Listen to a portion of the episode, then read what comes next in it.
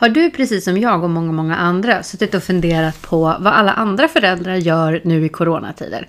Eller kanske överhuvudtaget när du var föräldraledig med en nyfödd eller när du precis hade gått på din föräldraledighet. Man tyckte att det såg ut på Insta som att alla gör hur mycket som helst och de är så sociala och vissa de, deras liv verkar inte påverkas alls medan du känner dig, du vet varken ut eller in. Världen just nu är lite upp och ner och vi i Sverige vi har ju valt att göra det annorlunda mot hur väldigt många andra länder har gjort. Eh, vilket också gör att det öppnar upp för lite nya, lite andra möjligheter här i Sverige. Men väldigt många av oss har ju faktiskt möjligheten nu att få vara hemma lite extra mycket med våra barn och eventuella partners. Men det gör ju också att det sliter, eller hur? Det är ju ingen dans på rosor att vara hemma och det skulle nog vilken eh, gammal hemmafru som helst tala om för oss att det var inte så jävla kul. Det var därför vi försökte ta oss ut i, i samhället. Men det som är det är också att nu när det är så länge sedan som någon var hemmafru. Nu blir det ju hemmafru fast att jag mycket väl förstår att man kan vara hemma som pappa också och tycker att man ska vara det. Eh, men det som är är att det var så länge sedan någon var det så det är så få sådana skatter som har liksom gått i arv. Så vi står alla här nu med någon form av tro på att det är förskolan då till exempel som ska göra det mesta och de kan och vi, jag som förälder har, jag kan inte ge mina barn den stimulans de behöver och så vidare. Fast det kan vi ju visst. Vi har bara glömt bort hur man gör. Um, och i den här poddserien som jag kallar för Föräldrafrid i coronatid eh, kommer vi att prata med lite olika föräldrar. Främst kommer jag kanske att inrikta mig på just hemmaföräldrar som har lite mer eh, Eh, jag tänker att de har lite mer ruljans på det hela, hur man gör i en sån här vardag, för de är så vana vid det. Kontra föräldrar som har varit förvärvsarbetande och eh, har haft barnen på förskola eller någon annan form av barnomsorg. För vi, de, de föräldrarna är lite nyare i det än föräldrarna som är hemmaföräldrar sedan tidigare.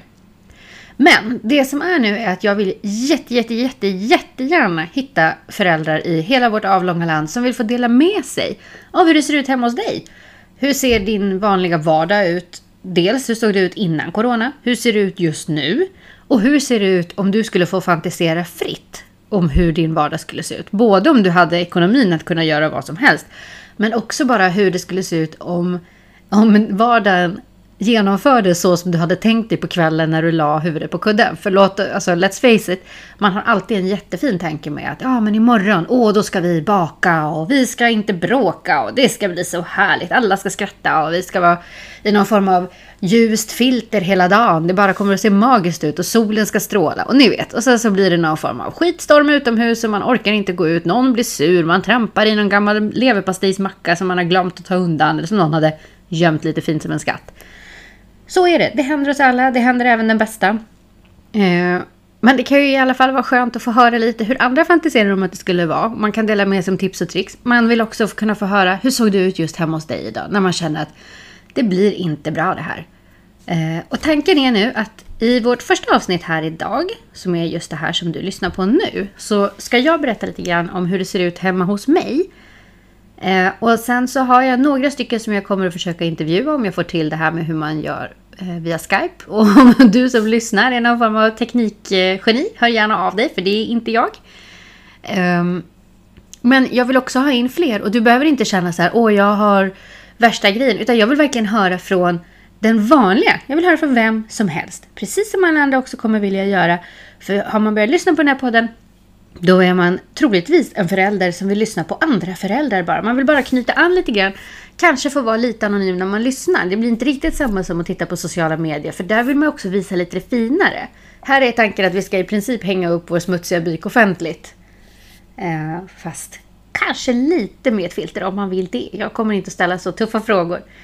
Eh, om du skulle vara intresserad av det här så kan du antingen så söker du upp mig på Insta där jag heter Sabina Bergstedt som ett ord. Eller så mejlar du mig. Eller skickar ett eh, ja, DM på Insta, det är ju Insta igen. Men du kan också mejla mig på sabinabergstedt.hotmail.com Och så kan vi prata igenom lite grann om du skulle vilja vara med. Eh, om man vill vara med så tänker jag att eventuella intervjufrågor från mig, de skickar jag iväg innan. Så man behöver inte känna att jag ska sätta dem på pottkanten och eh, på något vis låtsas att jag är eh, föräldragurun. För det är jag inte. Alla som såg hur det såg ut hemma hos mig just nu skulle bara känna att, jaha, nej, just det, hon är jättevanlig småbarnsmamma med alldeles för mycket grejer som man kan trampa på. Okej, hoppas att ni vill hänga med. Nu kör vi!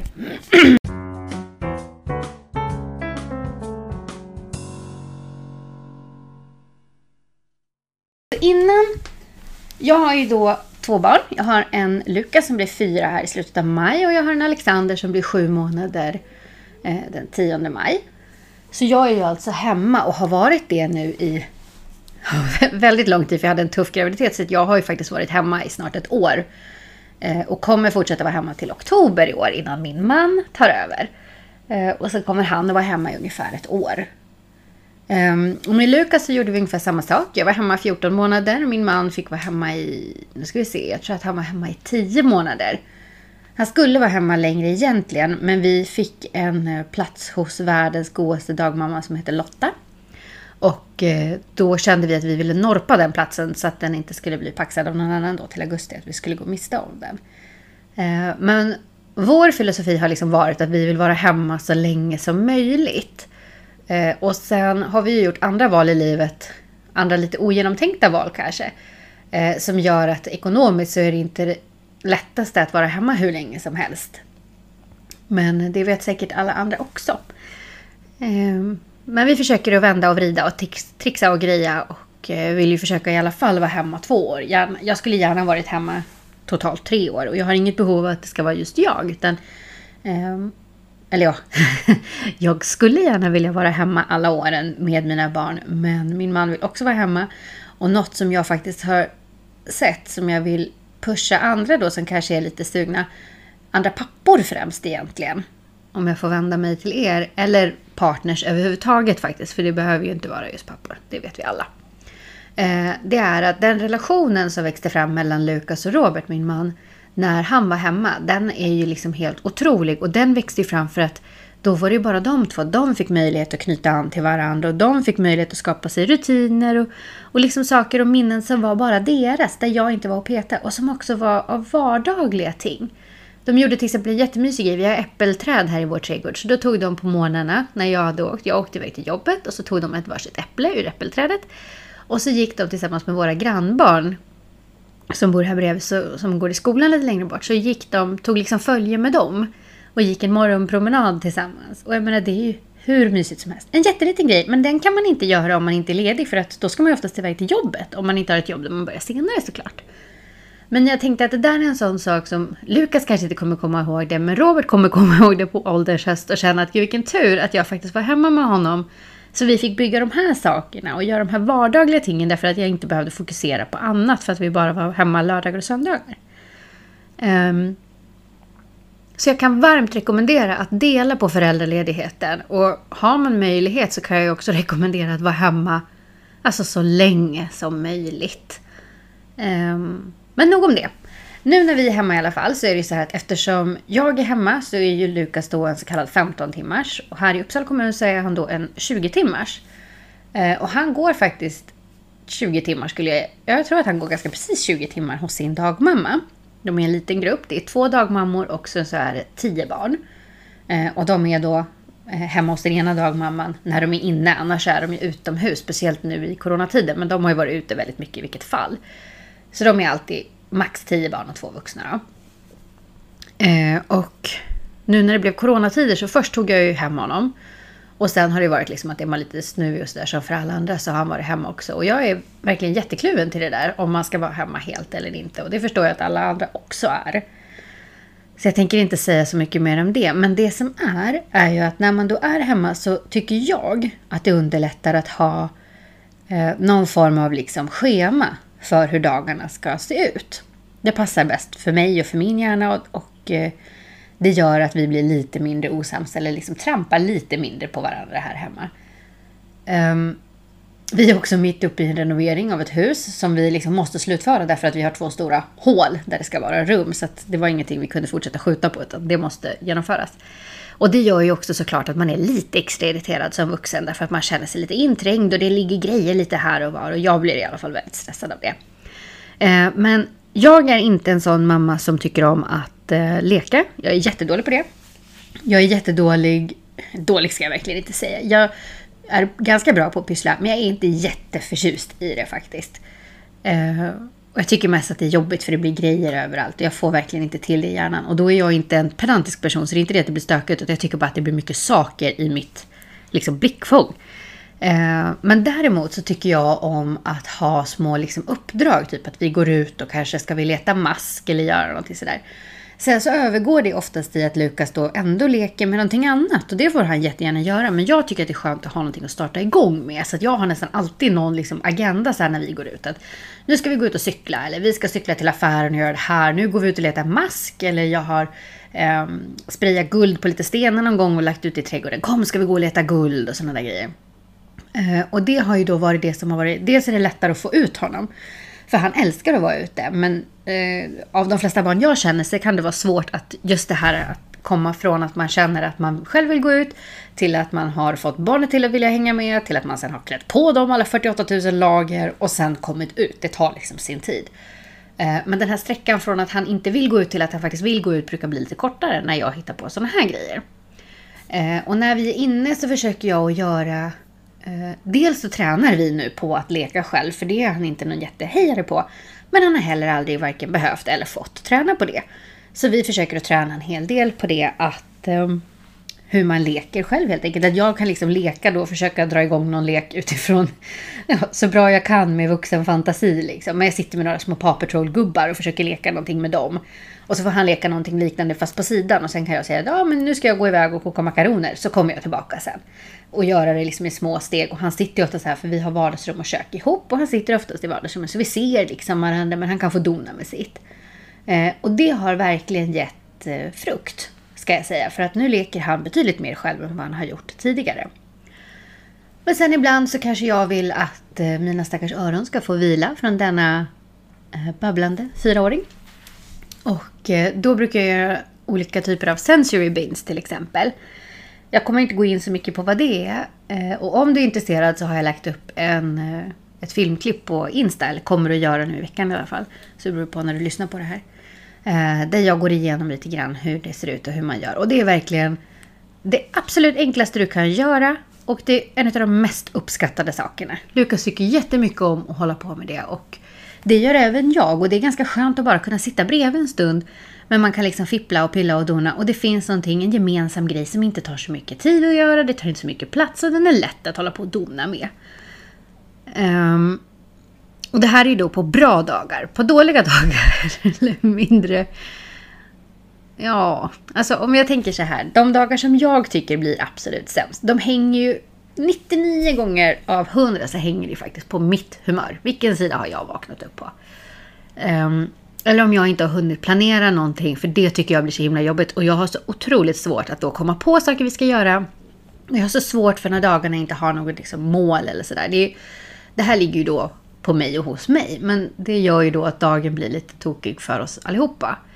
Eh, och då kan det verkligen bli, eller typ om min man har gått upp först och så har han dragit på Paw Patrol och Lukas vill titta på tio avsnitt och jag har ingenting annat som jag kan erbjuda för jag har inte kommit på något och jag kommer inte på någonting på stunden. Och så fortsätter han bara att sitta och titta och då får jag alltså extrem ångest och känner mig som världens sämsta förälder som inte har varit ute. Och jag garanterar att jag inte är ensam om varken att känna mig dålig i den här situationen eller att låta ungarna sitta och titta alldeles för mycket på TV. Men så kan det vara och så får det vara. Jag känner att om det här är den absolut sämsta dagen, ja, men då är det väl verkligen inte hela världen. Han får mat sen så småningom, någon gång.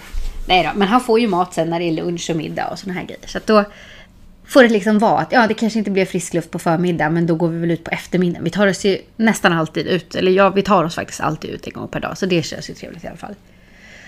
Men min optimala dag, då skulle det se ut så här att vi vaknar, vi är utvilade.